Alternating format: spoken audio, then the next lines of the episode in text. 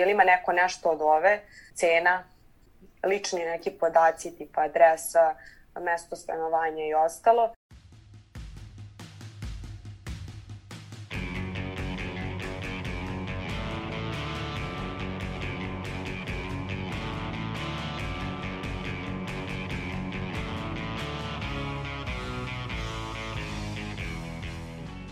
Proteklog meseca javnost u Srbiji uzdramalo je otkriće Telegram grupa u kojima korisnici dele sadržaje osvetničke pornografije. Jedna od ovakvih grupa broji čak 36.000 članova. U martu je u Nišu uhapšena jedna osoba zbog sumnje da je organizovala još jednu grupu na Telegramu u kojoj su neovlašćeno deljene fotografije i snimci žena. Uz ovu informaciju dodajmo i kampanju koja se vodi na društvenim mrežama i u medijima kada je u pitanju seksualno nasilje. Globalno gledano, Turska se povukla iz Istanbulske konvencije o zaštiti žena od nasilja. Nalazimo se u jednom periodu u kom se vrtoglavo postavlja pitanje šta se dešava sa poštovanjem žena i kod nas i u svetu. I tako započinjemo 45. epizodu podcasta Reagu i nezavisnog društva novinara Vojvodine i prvu epizodu naše druge sezone. Moje ime je Iva Gajić, a na ovoj emisiji rade Irena Čučković, Sanja Đorđević, Nemanja Stevanović i Aleksandra Bučko. Slične grupe na Telegramu otkrivene su i u Severnoj Makedoniji još početkom godine kada je vlada te države reagovala i zahtevala od Telegrama da zabrani postojanje ovakvim grupama, što su administratori Telegrama i učinili.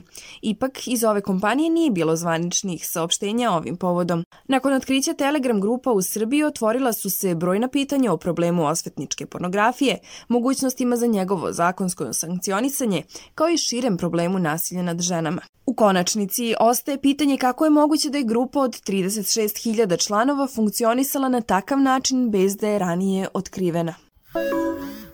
Iskreno nisam očekivala da je to tako strašno. Mislim, ne znam, očekivala sam, aha, ok, dele slike, što je isto dovoljno katastrofa i loše, ali htela sam da vidim, baš, baš da vidim kako način komunikacije, šta oni tu pišu i ostalo, Staša Ivković devojka je koja je raskrinkala postojanje Telegram grupa u kojima se dele intimne fotografije i snimci devojaka. Verovatno pretpostavljate, kao što sam i ja očekivala, da nije toliko jednostavno ući u ovakvu grupu, te da postoji neka vrsta prepreke, pitanja ili slično. Staša objašnjava da se uz pomoć linka samo jednim klikom možemo naći u nekim od četova, a priča nam i o tome šta se sve može naći u njima. I onda kad sam videla, to je bilo, to je bilo strašno. Zabila sam u grupi oko dva sata, u nekim grupama sam eto i dalje učlanjena i trenutno više ne, ne ulazim da vidim jer sam dovoljno videla. Ovaj, nije potrebno nekih novih strašnih snimaka ili fotografija da, da bi se to sudilo, do, već dovoljno postoji. Ovaj, tako da to videla sam neke uh, snimke gde su devojke uh, snimane krišom, po nekoj mojoj procjeni, videla sam snimak silovanja, videla sam eto slik, e, neku fotografiju dve, dve male devojčice i videla sam eto taj način na koji se raspituju o, o nama, o bilo kome. Ali kako se zapravo ljudi raspituju za detalje o nekoj devojci i na šta sve možemo naći u ovim četovima? Non stop, iz sekunde u sekundu stižu, no, stižu nove fotografije, novi snimci, dečja pornografija, snimci silovanja, da eto Instagram profili, e, slike devojaka ili momaka sa ulice, znači niko niko nije dao dozvolu da ih neko tako krišno, pa se raspituju ko je tu, koliko neko zna od njih 37.000, ovaj, a redko se desi da neko ne zna, ovaj, eto tako se raspituju, znači apsolutno svega, na šta god da pomislite ima u toj grupi nisu samo slike, ima i snimaka, krišom ili dobrovoljno ili sve jedno, eto tu se deli baš sve i svašta. Objasnili smo kako se ulazi u grupu, jednim klikom. Čuli smo i šta sve možemo da vidimo tamo. A sad se vratimo korak unazad. Kako jedna devojka sazna za postojanje ovakve grupe? Za grupu sam, za postojanje takve grupe uopšte sam saznala prošle godine. Da ne preciziram, neka bude pre skoro godinu dana, ovaj, kada mi se nepoznata osoba na, na uh, mom Instagram profilu javila da me upozori da se moj Instagram profil našao tamo u cilju da se taj neko ko je poslao raspituje za mene.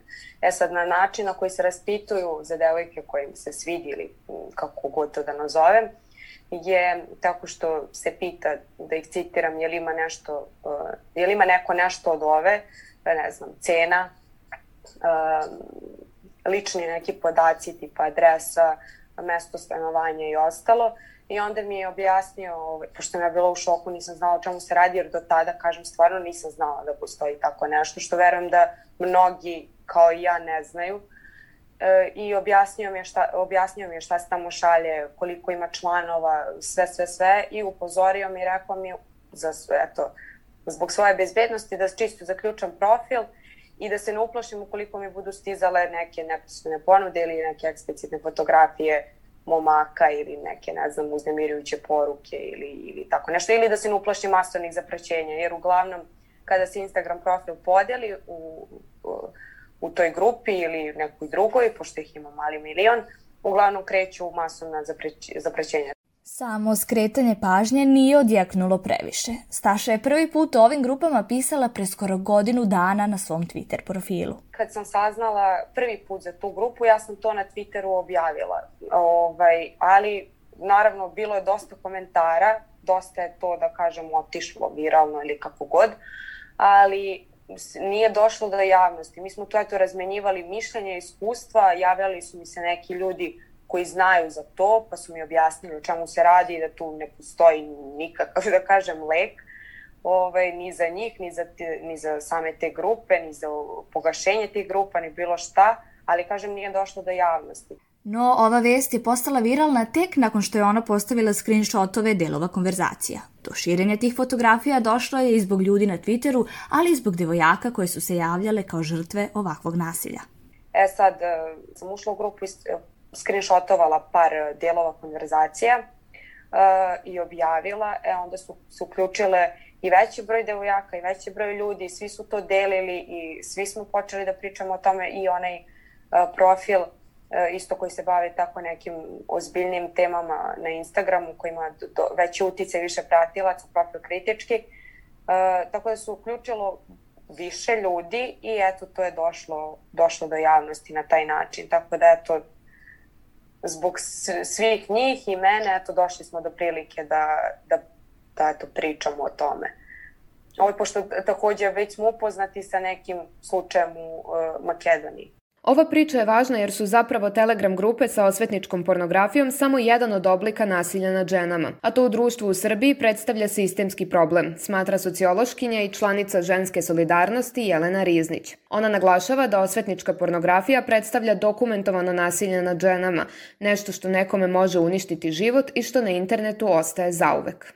Ne znam, ja sam ovo jednom prilikom rekla da uh, ko ćuti o patriarhatu ne treba da govori o osvetničkoj pornografiji i uopšte o svim ovim temama, jer mislim da je vrlo važno reći da to uh, ne nastaje tek tako, ne dolazi do toga tek tako, nije to stvar neke incidentnosti, nego stvar pravilnosti, jer ove Telegram grupe nisu usamljeni primer kako nama društvo šalje poruku da naše telo pripada svima osim nama samima, nama samima ženama, a, kroz različite ovaj, sadržaje. Milena Vasić, advokatica u Komitetu pravnika za ljudska prava Jukom, napominje da mi zapravo ni ne znamo koliko je žena zahvaćena osvetničkom pornografijom i koliko je žena neovlašćeno iskorišćena u svrhe snimanja nekog pornografskog materijala. Kako kaže, i dalje postoji stigma da je žena tako je kriva zato što je dozvolila da dođe u situaciju da uopšte bude snimljena. Moramo svi kao društvo to je ono što najviše možemo da uradimo je da se taj stid žrtve otkloni, da ne postavljamo pitanja što se došlo u tu situaciju, nego da vidimo kako to da rešimo. I ako imate neku ženu koja je koje se to dogodilo i koja je žrtva osvetničke pornografije, nemojte da joj postavljate pitanja kako ste došli u tu situaciju, nego probajte da je razumete i da joj pomognete i to svako od nas može da uradi. Riznić dodaje da je nasilje nad ženama problem koji se tiče svih članova društva i da je ohrabrujuće to što se odnos žena prema ovom problemu menja. Mislim da je, iako je sve to strašno, situacija barem malo bolja nego onda kada je recimo Marija Lukić progovorila o svemu tome. Čini mi se da je javnost makar malo, uh, baš kroz priču Marije Lukić, um, naklonjenija sada žrtvama, bez obzira što mi vidimo svakakve naslove i komentare i slično. Ali čini mi se da je barem priča o tome da nasilje nije individualni problem, već i društveni problem, da uz ovu regularnu pandemiju, pandemiju i senke, pandemiju nasilja nad ženama, da je to postalo nešto što je barem malo a, više mainstream nego pre, recimo, ne znam, a, koliko već, dvije ili tri godine kada je Marija Lukić to prvi put prijavila. Staša Ivković svojim primerom potvrđuje pretpostavku Jelene Riznić. Koliko mogu popamtim eto nešto da, da ispričam, da, da pružim podršku ovaj, ostalim žrtvama da prijave, da, da nije način eto, da, da, da kažem da ćutimo, ali opet moramo imati i tu razumevanje. Tako da, zato što baš zbog tih svih osuda na koje nailaze žrtve, baš zbog toga, toga i ćute. Tako da, posle da se ne pitamo što posle ne znam nija koliko godina i bla bla bla bla bla bla. Iako su u velikoj većini slučajeva upravo žene žrtve osvetničke pornografije, ima slučajeva u kojima su to i muškarci, govori Staša Ivković. Posledice do kojih može doći zbog pojave intimnih fotografija baš zbog osvetničke pornografije su teško merljive, ali Staša nam je kroz nekoliko primjera oslikala stvarno stanje ovog, nazovimo, fenomena.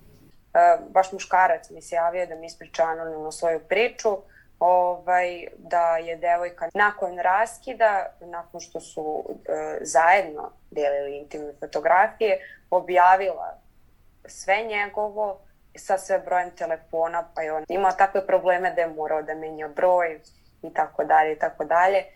Javila mi se e, žena koja e, je starija, ima, ima porodicu, koja je eto, prošla kroz, da kažem, kroz te telegram grupe, gde i nakon ne znam koliko godina e, njoj stižu i dalje neke ucene pretnje, tipa ako mi neko ne sarađuješ sa mnom, tvoje slike će osvanuti suda i tako dalje. Tako da tu ima više slučajeva i stvarno devojke mi šalju i screenshotove takvih ucena da ja stvarno vidim pošalju mi koji je profil, tu su isto profili uglavnom sa nekom bez veze slikom nekog automobila ili on, drveća, a ovaj, eto tako prete na taj način ucenjuju i ostalo. I onda eto devojke mi šalju apsolutno sve, mislim ja njima verujem i bez tih screenshotova i bez svega, ali eto, na neki način da i ja njih uverim i one mene, da ja bih ja to mogla da ispričam, tako da stvarno ima raznih, ima jedan dečko koji mi se javio da se e, njegova drugarica ocelila zbog takvih stvari, zbog eto, pritiska okoline i osude i svega. Kako se zapravo hvata osoba koja je počinilac sajber kriminala? Kada treba da dođe do samog hvatanja osoba koje su napravile ili upravljale ovakvim spornim grupama, priča se uglavnom komplikuje. Igor Franc, predsjednik i osnivač udruženja e-sigurnost, kaže da je sajber kriminal u stvari kriminal koji često ne poznaje granice. Objašnjava da u slučaju da su počinila sajber prestupa, žrtva i, na primjer, operator na istoj teritoriji, to ne predstavlja problem. Šta se komplikuje zapravo? Pitanje kojoj državi potpada nadležnost nad ovim slučajevima i saradnja među državama.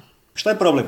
Problem je što većina tih servisa koje mi koristimo danas, poput Instagrama, Facebooka i Telegrama i svih drugih, imaju e, mrežu koja je dosta dislocirana. Znači oni namerno ili zato što koriste različite servise u različitim zemljama ili baš namerno što znaju da različite zemlje imaju različita ajde da kažem pravila regulisanja, onda oni jednostavno naprave da to bude jedna mreža koja je distribuirana.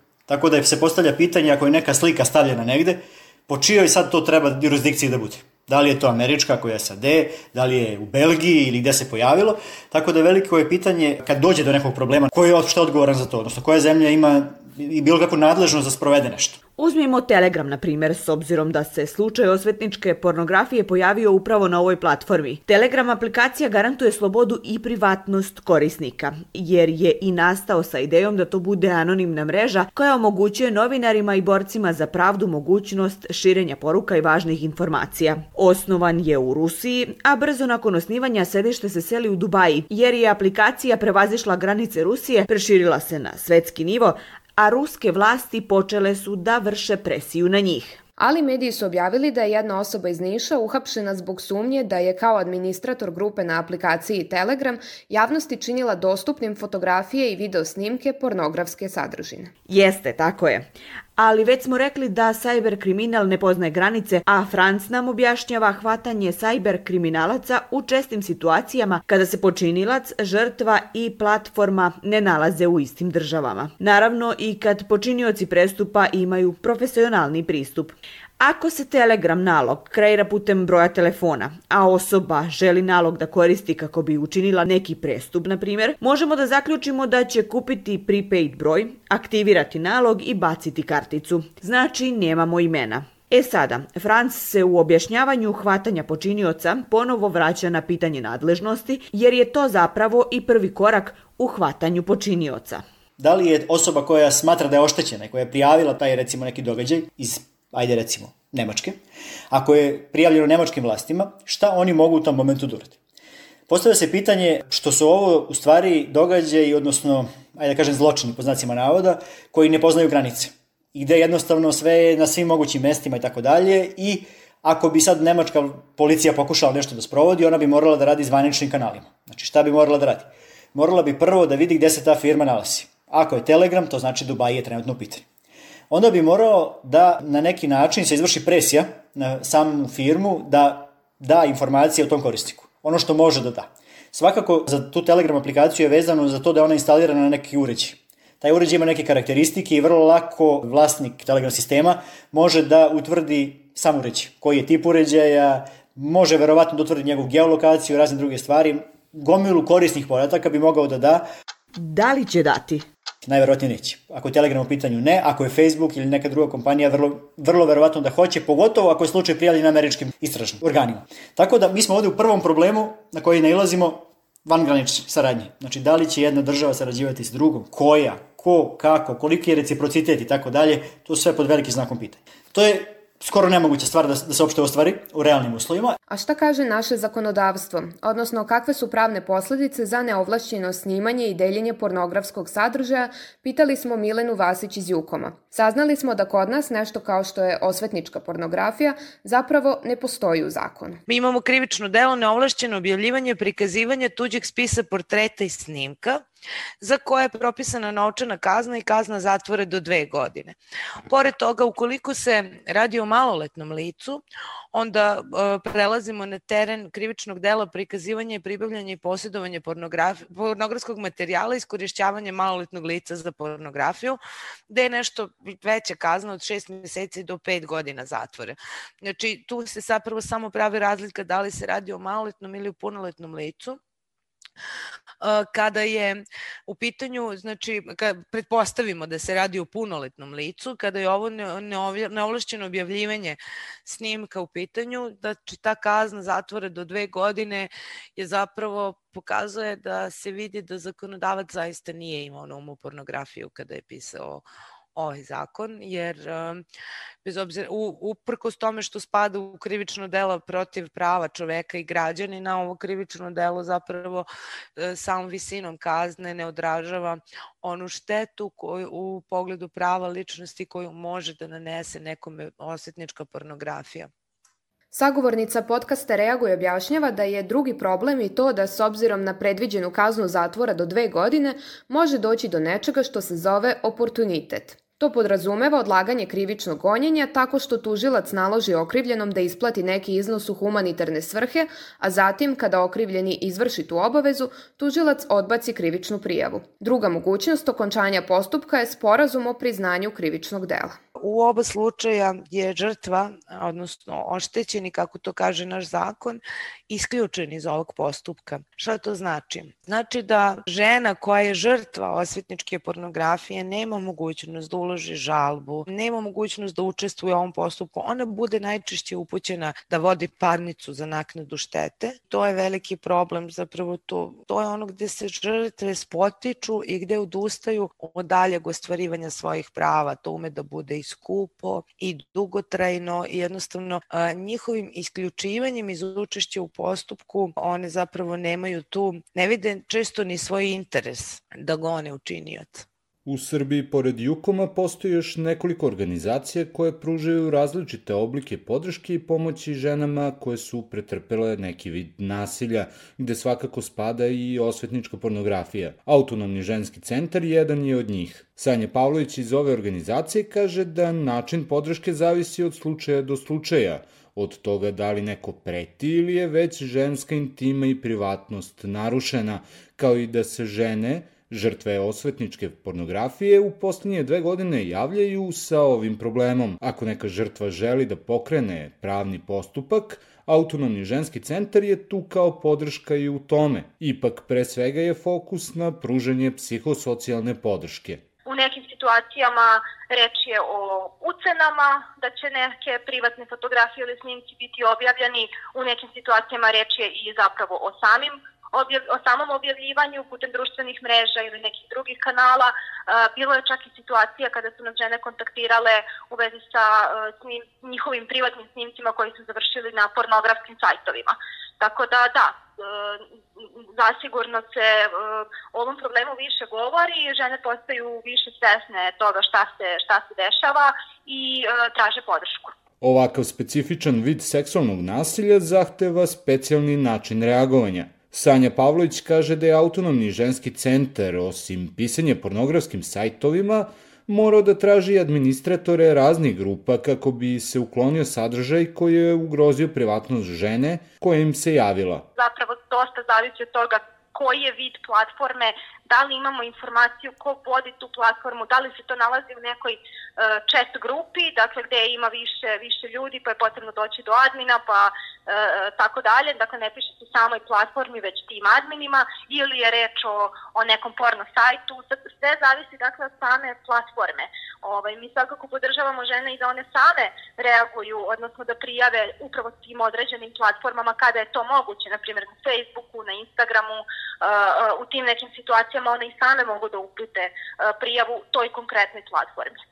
Rešenje se zapravo nalazi u sistemskim reformama. Milena Vasić iz Jukoma kaže da se zakon mora pozabaviti problemom pornografije i kada je reč o punoletnim licima, ne samo u odnosu na maloletnike kao što je to sada slučaj. Mora se napraviti i razlika između krivičnog dela kada se objavljuje nečiji snimak u pornografske i u neke druge svrhe. Pored toga treba da imamo sveobuhvatnu kampanju za podizanje svesti svih društvenih činilaca moramo da uvedemo seksualno obrazovanje u škole, moramo da radimo od najranijeg uzrasta sa decom, da im objasnimo da prepoznaju kada mogu biti žrtve neovlašćenog snimanja i, i iskorišćavanja u svrhe pornografije, a onda, mislim, na taj način posredno i da dignemo svest i onima koji treba da primenjuju zakon da naprave razliku. Sociološkinja Jelena Riznić ističe i potrebu za edukacijom svih onih koji su deo krivično-pravnog sistema, pre svega policije i tužilaštva, kako bi na adekvatan način mogli reagovati onda kada im se žrtve obrate za pomoć. To bi značilo da integralni deo njihovog obrazovanja zapravo bude feminističko obrazovanje o tome kako pristupiti žrtvama nasilja, Naravno, ja ne mislim dakle, da su institucije neki fundamentalni izraz ženskog oslobođenja. Ja mislim da e, je zaista potrebna radikalnija promena celokupnog sistema kako bi se promenio zaista e, položaj žena, ali od nečega moramo da krenemo. A to nešto jeste obrazovanje svih onih koji su na nekim odgovornim pozicijama, dakle feminističko obrazovanje onih koji su u okviru tog krivično-pravnog sistema, zatim onog medijskog sektora i na kraju obrazovnog sektora, jer prosto generacije i generacije devojčica, pa i dečaka, ali pre svega devojčica, izlaze iz škola ne znajući da je nasilje nad ženama problem. Značaj edukacije ističe i Jovana Netković iz BFM-a. Važno je da generalno pričamo o digitalnom nasilju. Kada pričamo o nekoj zaštiti, uvek stavljamo teret na, na žrtvu da se ona čuva, da se ona brani, a pokazalo se da iako društvo naše želi tako da misli da, da su same žene odgovorne, da su bile nepažljive ili e, da su previše verovale kome nije trebalo, društvo je nekako sudija uvek kada su žene žrtve u ovakvim slučajevima. Dakle, ipak je to na nama i moramo da se edukujemo koji su to bezbedni načini kada delimo ovakve sadržaje prosto um, ti sadržaj, kao što smo rekli, delit će se, to neće nestati od sebe. E, ono što je važno, što bi bilo od više tih aspekata rešenja, jeste da je važno da imamo edukaciju žena kako da se zaštite, paralelno sa tim i edukaciju mladih muškaraca da je to nedopustivo i te edukacije bi morale da se dešavaju u školama. Netković navodi i neke primere država koje su pravno regulisale problem osvetničke pornografije. U nekim zemljama je to um, prepoznato samo kao neovlašćeno deljenje seksualnih snimaka i videa i tu se nije zadiralo dalje, a negde postoji posebna ta dodatna težina, dakle namere da se e, život žena uništi i tu su i neke veće zatvorske kazne kao što je na primer slučaj u recimo Singapuru i Koreji i mislim da je to nekako u kao širem kontekstu počinje da se dešava, ali još uvek treba da se radi na, na tom formulisanju tačno na koji način će biti počinioci kažnjavani. To ne znači sada da ne budemo uopšte na internetu, nego da prosto vršimo pritisak na institucije i ovo što sam rekla, da paralelno postoje edukacije društva, jer ako mi nismo svesni da je to nešto što je bitno i što može da se desi svakoj ženi oko nas, ne znači nam ništa taj zakon, da mi samo imamo ga kao da ga kažnjavamo, nego je jako važno da radimo na preventivi.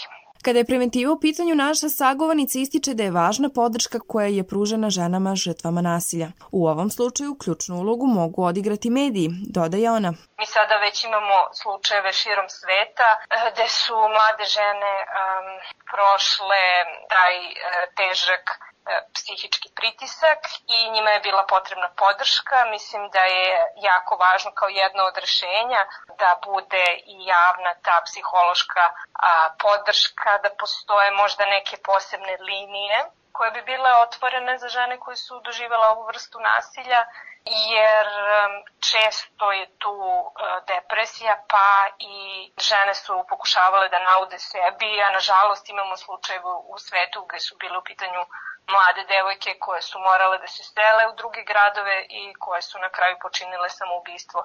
I zato je važno da budemo svesni toga šta se dešava kroz neke kampanje eventualno koje bi bile sprovođene u medijima mislim da bi to bio dobar put da pričamo i podelimo iskustva tih žena i kako su ove stvari uticale na njih i njihov život. Skoro svakog dana ja čitam eto, neka iskustva ima baš raznih profila žena, različite godine, ima i devojaka od, ne znam, 15 do 25, ima i žena od 30-35 e, koje već imaju porodicu, da kažem. Tako da ima različitih profila. Ima i muškaraca koji su mi se javljali da mi ispričaju eto tako neku, neku priču, nevezano samo i za grupe, nego i baš za eto tu, da nazovem osvetničku pornografiju, ako ste bili s nekim u vezi, pa ste delili intimne fotografije, pa je to eto na kraju sve to nesrećnih okolnosti završilo za sva tri oči. Tako da eto, čitam iskustva i dalje, sa nekim devojkama sam konstantno u kontaktu i eto, čujemo se, podržavamo se, ne samo ja njih, nego i one mene, tako da meni to baš, baš znači. Solidarnost mnogo znači u ovakvim situacijama, a to potvrđuje i Staša Ivković. Kako je ona ta koja razotkrila postojanje ovih telegram grupa, njoj se žrtve najčešće javljaju. Ona naglašava da takav kontakt njoj mnogo znači baš zbog podrške koje međusobno žrtve jedne drugima pružaju. Ovim završavamo 45. epizodu podcasta Reaguj nezavisnog društva novinara Vojvodine. Želimo da pričamo o zajedničkim problemima i da tražimo rešenja za njih.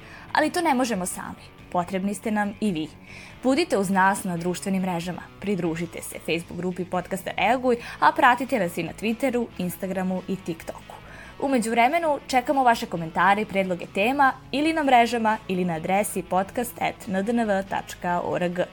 Naš rad možete pratiti na kanalima na iTunesu, Stitcheru, Castboxu, Sounderu, Google podcastima, Spotifyu, kao i na sajtu podcast.rs. Ukoliko želite da nas podržite, uradite to baš šerovanjem, komentarom, deljenjem svoje priče ili preko sajta donations.ndnv.org.